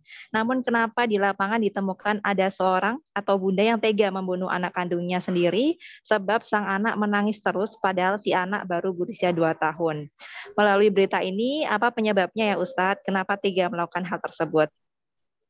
Nah, itu ya. Ini sebenarnya uh, apa? Uh, pertanyaan yang sebenarnya Kemarin nih, kemarin saya di Masjid Assalam juga sudah menjelaskan bahwasanya wanita, ibu, itu secara fitrah, insting, naluri, goriza, watak, tabiat, adalah makhluk yang lemah lembut. Allah berikan kelemah lembutan tersebut. Ya, itu kita bicara tentang kondisi ideal ya. Secara konsep, Allah Subhanahu wa taala udah berikan hal ini kepada wanita. Tapi ternyata, tapi ternyata secara realita apakah semua wanita itu berlaku kasih sayang kepada anaknya? Ternyata jawabannya tidak. Jawabannya adalah ternyata tidak. Kenapa ini terjadi? Ternyata semuanya bermuara pada satu jawaban. Karena al-jahlu, kebodohan. Bodoh. Gak punya ilmu. Karena akar semua keburukan, kemaksiatan, kesesatan, kesyirikan, kebid'ahan, kefasikan, itu adalah karena kebodohan. Terutama al-jahlu billah, bodoh terhadap Allah penciptanya. Kemudian al-jahlu bin nafsi, kemudian bodoh terhadap dirinya. Ya. Nah, apabila dia bodoh terhadap Allah, bodoh terhadap dirinya, maka dia akan tentunya tidak akan bisa menunaikan hak yang lainnya, termasuk anaknya. Dan itu akan merusak fitrahnya. Fitrah itu apabila tidak dijaga, tidak dipelihara, tidak ditumbuhkan, bisa rusak. Dan yang bisa menumbuhkan dan menyuburkan fitrah ilmu. Apabila ilmu itu tidak menumbuhkan, maka fitrah itu bisa menjadi gersang, kering kerontang. Kemudian juga bisa karena faktor yang lainnya, faktor-faktor ada apa apa namanya? traumatik ya. Ada eh, wanita-wanita uh, yang mengalami traumatik di masa kecilnya. Dan ini banyak sebenarnya akibat dari pola asuh dari orang tua ataupun dari lingkungan akhirnya menimbulkan eh, kondisi-kondisi uh, yang traumatik ya karena memang secara riset penelitian ya anak-anak di terutama di usia tujuh tahun pertama kehidupannya apabila mereka tidak dididik dengan kelemah lembutan maka itu akan menjadi benih-benih terjadinya eh, gangguan-gangguan psikis, psikologis dan kejiwaan. Jadi hampir semua ya gangguan-gangguan kejiwaan itu pondasinya adalah pada usia tujuh tahun pertama kehidupan mereka manusia. Ya, karena di usia inilah ibaratnya semacam biji ya yang sedang ber, berkecambah itu fitrah ya itu sudah mati duluan sehingga akan sulit untuk bisa bertumbuh berikutnya. Ya. Nah oleh karena itu apabila ada kejadian misalnya seorang ibu sampai rela membunuh anaknya itu nggak heran. Kenapa? Karena tadi fitrahnya yang sudah rusak dan juga ya, dan juga ada hal-hal yang bersifat apa traumatik dan ini sering kali apabila dilakukan oleh seorang wanita yang sudah bersuami atau yang masih punya ayah, itu nggak lepas dari adanya pengaruh laki-laki tersebut. Ya. Contoh ini misalnya ya, beberapa tahun yang lalu kita sempat tahu ada berita viral, ada seorang anak itu didorong ibunya dari mobil. Di apa kayak diusir ya, maksudnya dikeluarkan dari mobilnya. Dan itu pernah terekam. Lebih viral lagi karena yang melakukan adalah seorang akhwat yang berjilbab panjang. Ternyata ketika dilakukan apa ya, ya maksudnya diinvestigasi, ini ternyata ibunya itu sebenarnya adalah wanita yang baik. Ya. Beliau seorang dokter. Dan setiap hari dia selalu ngantar jemput anaknya. Ya, dia selalu ngantar jemput anaknya. Itu kejadian pertama dia melakukan seperti itu. Kenapa? Karena pertama dia baru tahu suaminya berselingkuh. Yang kedua, anaknya ini uh, apa kayak menyelisih janji yang tadinya apa namanya saya lupa ya jadi itu akhirnya memantik emosinya nah dari sini kita bisa belajar itu nggak ada apa ya maksudnya eh, wanita-wanita yang mengalami hal seperti ini sebenarnya itu tidak terlepas dari sebab laki-laki ya entah itu suaminya atau ayahnya sehingga akhirnya mereka kehilangan uh, akal sehat biasanya. Dan semuanya ini tentu juga nggak lepas dari faktor al-jahl, kebodohan. Ya. Karena akar akar ya akar dan asal muasal semua keburukan adalah karena al-jahl, kebodohan. Nah, wallah alam Masya Allah, jazakallah khairan Ustadz. Baik, sebelum kita berlanjut ke pertanyaan selanjutnya, kami ingatkan untuk Bunda di sini, insya Allah nanti di akhir acara kita akan ada bagi-bagi hadiah dari Aslah. Jadi tetap stay tune ya Bunda. Untuk selanjutnya, kami izin memanggil Bunda yang sudah raise hand. Silakan uh, Bunda Nurul Hanifah. Assalamualaikum. Silakan Bunda warahmatullahi wabarakatuh Ustaz. Waalaikumsalam warahmatullahi wabarakatuh. Uh, tadi Ustadz membahas tentang ibu yang memiliki trauma masa kecil ya Ustadz. Nah, saya seorang ibu yang memiliki trauma tersebut. Tapi dengan saya menikah, saya menemukan suami yang begitu menyayangi, jadi saya hilang trauma itu. Nah, belum lama ternyata suami saya membuat trauma saya dengan perselingkuhan, meninggalkan saya, mencampakkan anak-anak seperti itu. Ustaz.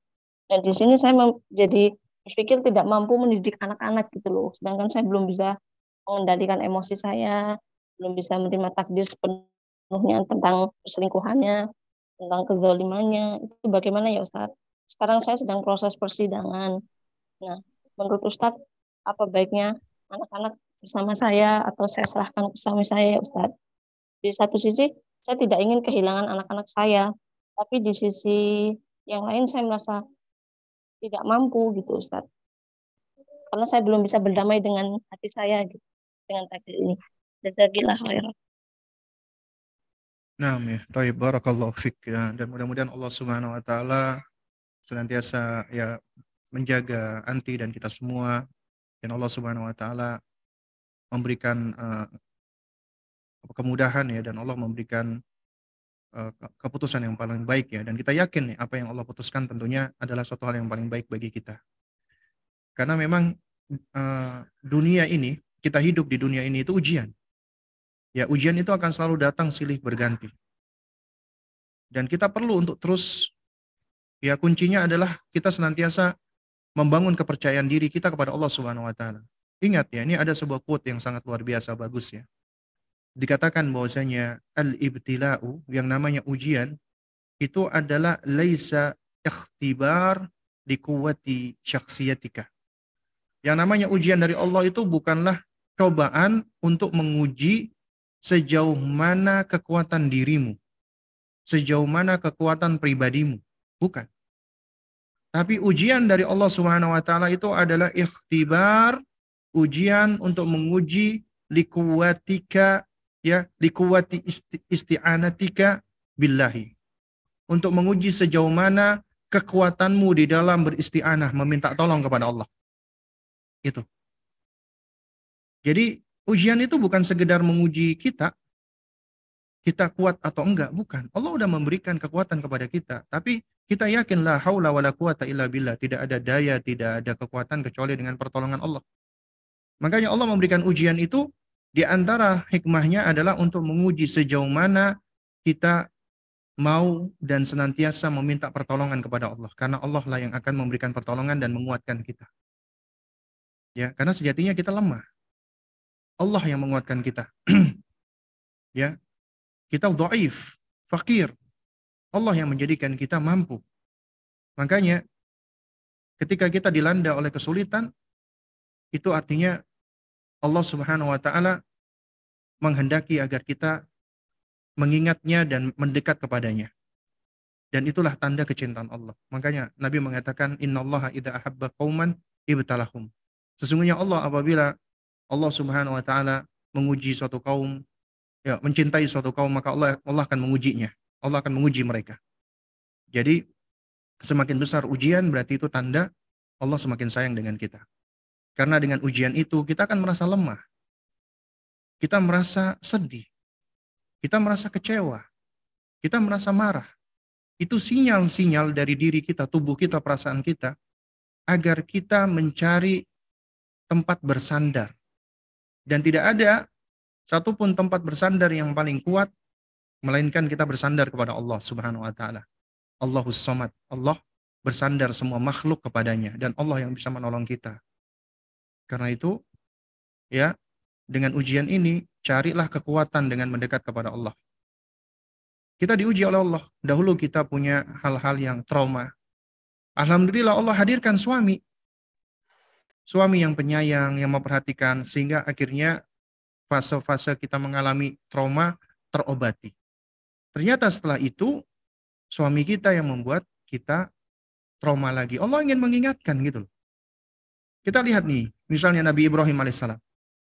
Nabi Ibrahim alaihissalam, beliau itu bersabar untuk bisa memperoleh momongan hingga usia beliau cukup tua. Akhirnya Allah berikan beliau momongan. Allah berikan beliau anak. Diuji oleh Allah Subhanahu wa taala. Diperintahkan oleh Allah untuk membawa istrinya Ibunda Hajar dengan bayinya Ismail di sebuah negeri tempat yang kering, kerontang, gersang, tidak ada sesuatu apa pun. Ujian bagi seorang ayah. Padahal namanya ayah cinta sama ayang, apa cinta sama anaknya, sayang sama anaknya dan istrinya. Diuji oleh Allah. Seakan-akan Allah ingin membersihkan di dalam hatinya tentang attachmentnya Ibrahim alaihissalam, ya tentang kecintaannya Ibrahim alaihissalam kepada anaknya diuji oleh Allah. Engkau lebih mendahulukan mana? Cintamu kepada Allah atau kepada anak dan istrimu? Nabi Ibrahim lebih mendahulukan cintanya pada Allah. Dan Allah tolong Hajar dan Ismail. Akhirnya Allah kumpulkan lagi Ibrahim alaihissalam dan putranya Ismail. Kemudian diuji lagi oleh Allah karena Ibrahim begitu sayangnya kepada Ismail. Diajak beraktivitas sama-sama untuk membangun kawaid ya, Baitul Haram. Ayah mencintai anaknya luar biasa. Diuji oleh Allah. Diberikan wahyu melalui mimpi untuk menyembelih anaknya. Diuji lagi oleh Allah.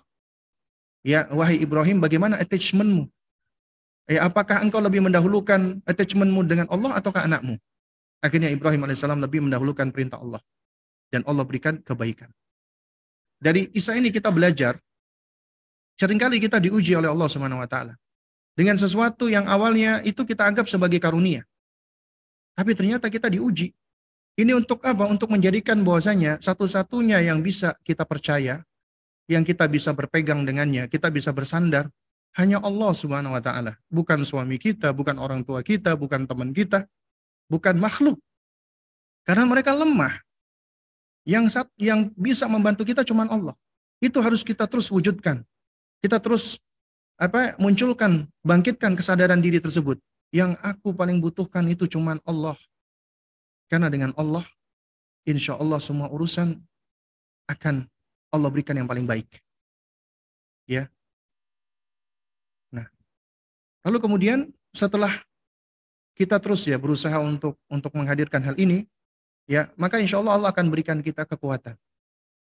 Kita akan mampu dengan bimbingan Allah, dengan kekuatan Allah untuk bisa mengambil keputusan yang paling baik. Dan ingat ya jamaah sekalian, mantan suami ada, mantan istri ada, mantan anak nggak ada. Meskipun sudah berpisah, tetap kewajiban di dalam membersamai anak ada pada masing-masing kita. Kalau anak-anak kita itu masih usia dini tujuh tahun, mereka masih butuh dengan ibunya, apalagi ketika mereka masih balita.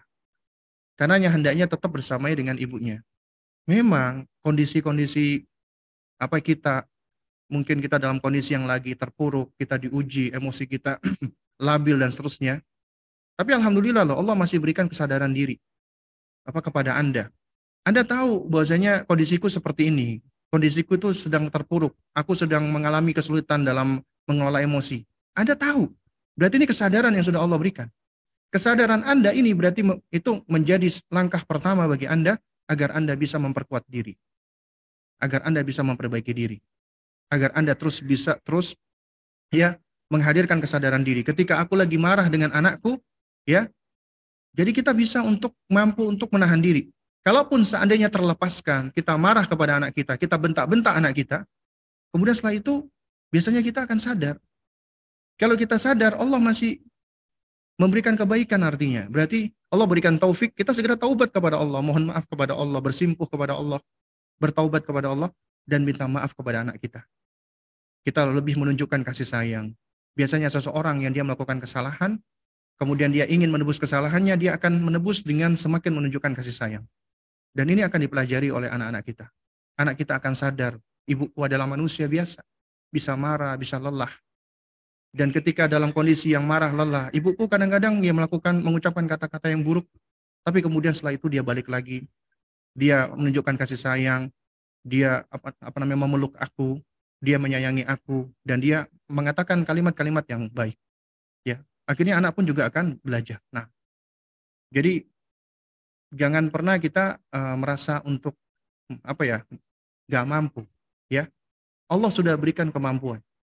Jangan pernah kita merasa kita nggak sanggup. Allah sudah berikan kesanggupan. Karena ini akan menghantarkan kita kepada keputusasaan. Dan Allah sering kali mengatakan wala taqnatu.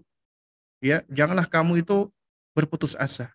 Ya wala asu janganlah kamu itu berputus harapan dari Allah Subhanahu wa taala jadi ini di antara yang mungkin bisa saya nasihatkan. Wallah alam so. Masya Allah, jazakallahu khairan Ustadz. Untuk jawabannya, semoga Bunda tadi yang mengalami kejadian tersebut diberikan ketabahan oleh Allah dan kemudian diberikan kemudahan untuk segala urusannya. Amin. Allahumma amin. Alhamdulillah, awal dan Umahat, kita sudah ada di akhir acara kajian. Uh, insya Allah setelah ini ada kuis Ustadz, namun karena mungkin Ustadz ada kegiatan lain, kami persilakan Ustadz untuk meninggalkan Zoom. Kami Baik. dari Aslah dan para ente muslim mengucapkan jazakumullah khairan. Terima kasih Ustadz sudah mau berbagi ilmu di sini. Semoga Allah jaga Ustadz dan keluarga dan Allah berkahi semua kegiatan Ustadz. Amin Allahumma amin. Ya, baik uh, syukran. Jazakumullah jazakumullah khairan. Uh, juga untuk panitia yang sudah memfasilitasi. Ya barakallahu fikum. Mudah-mudahan uh, yang kita pelajari ini bisa memberikan manfaat untuk kita semua ya dan juga kita diberikan hidayah dan taufiknya oleh Allah Subhanahu wa taala. bisa terus belajar dan menuntut ilmu dan kita juga bisa menjadi ibu yang paling baik untuk anak-anak kita. Jadi Anda tidak dituntut untuk menjadi ibu yang baik bagi semua anak, tapi Anda dituntut untuk menjadi ibu yang terbaik ya untuk anak-anak Anda dan Anda mampu insya Allah dengan izin Allah dengan pertolongan dari Allah Subhanahu wa taala. Ya jadi Anda mampu menjadi versi yang paling baik untuk anak-anak Anda. Mudah-mudahan Allah Subhanahu wa taala eh, karuniakan kepada kita semua ya, taufik dan Allah istiqomahkan kita dan Allah kumpulkan kita semua di janahnya mungkin ini yang dapat saya sampaikan kurang lebihnya saya mohon maaf. Barakallahu fikun uh, jamiah. Ya assalamualaikum warahmatullahi wabarakatuh. Waalaikumsalam warahmatullahi wabarakatuh.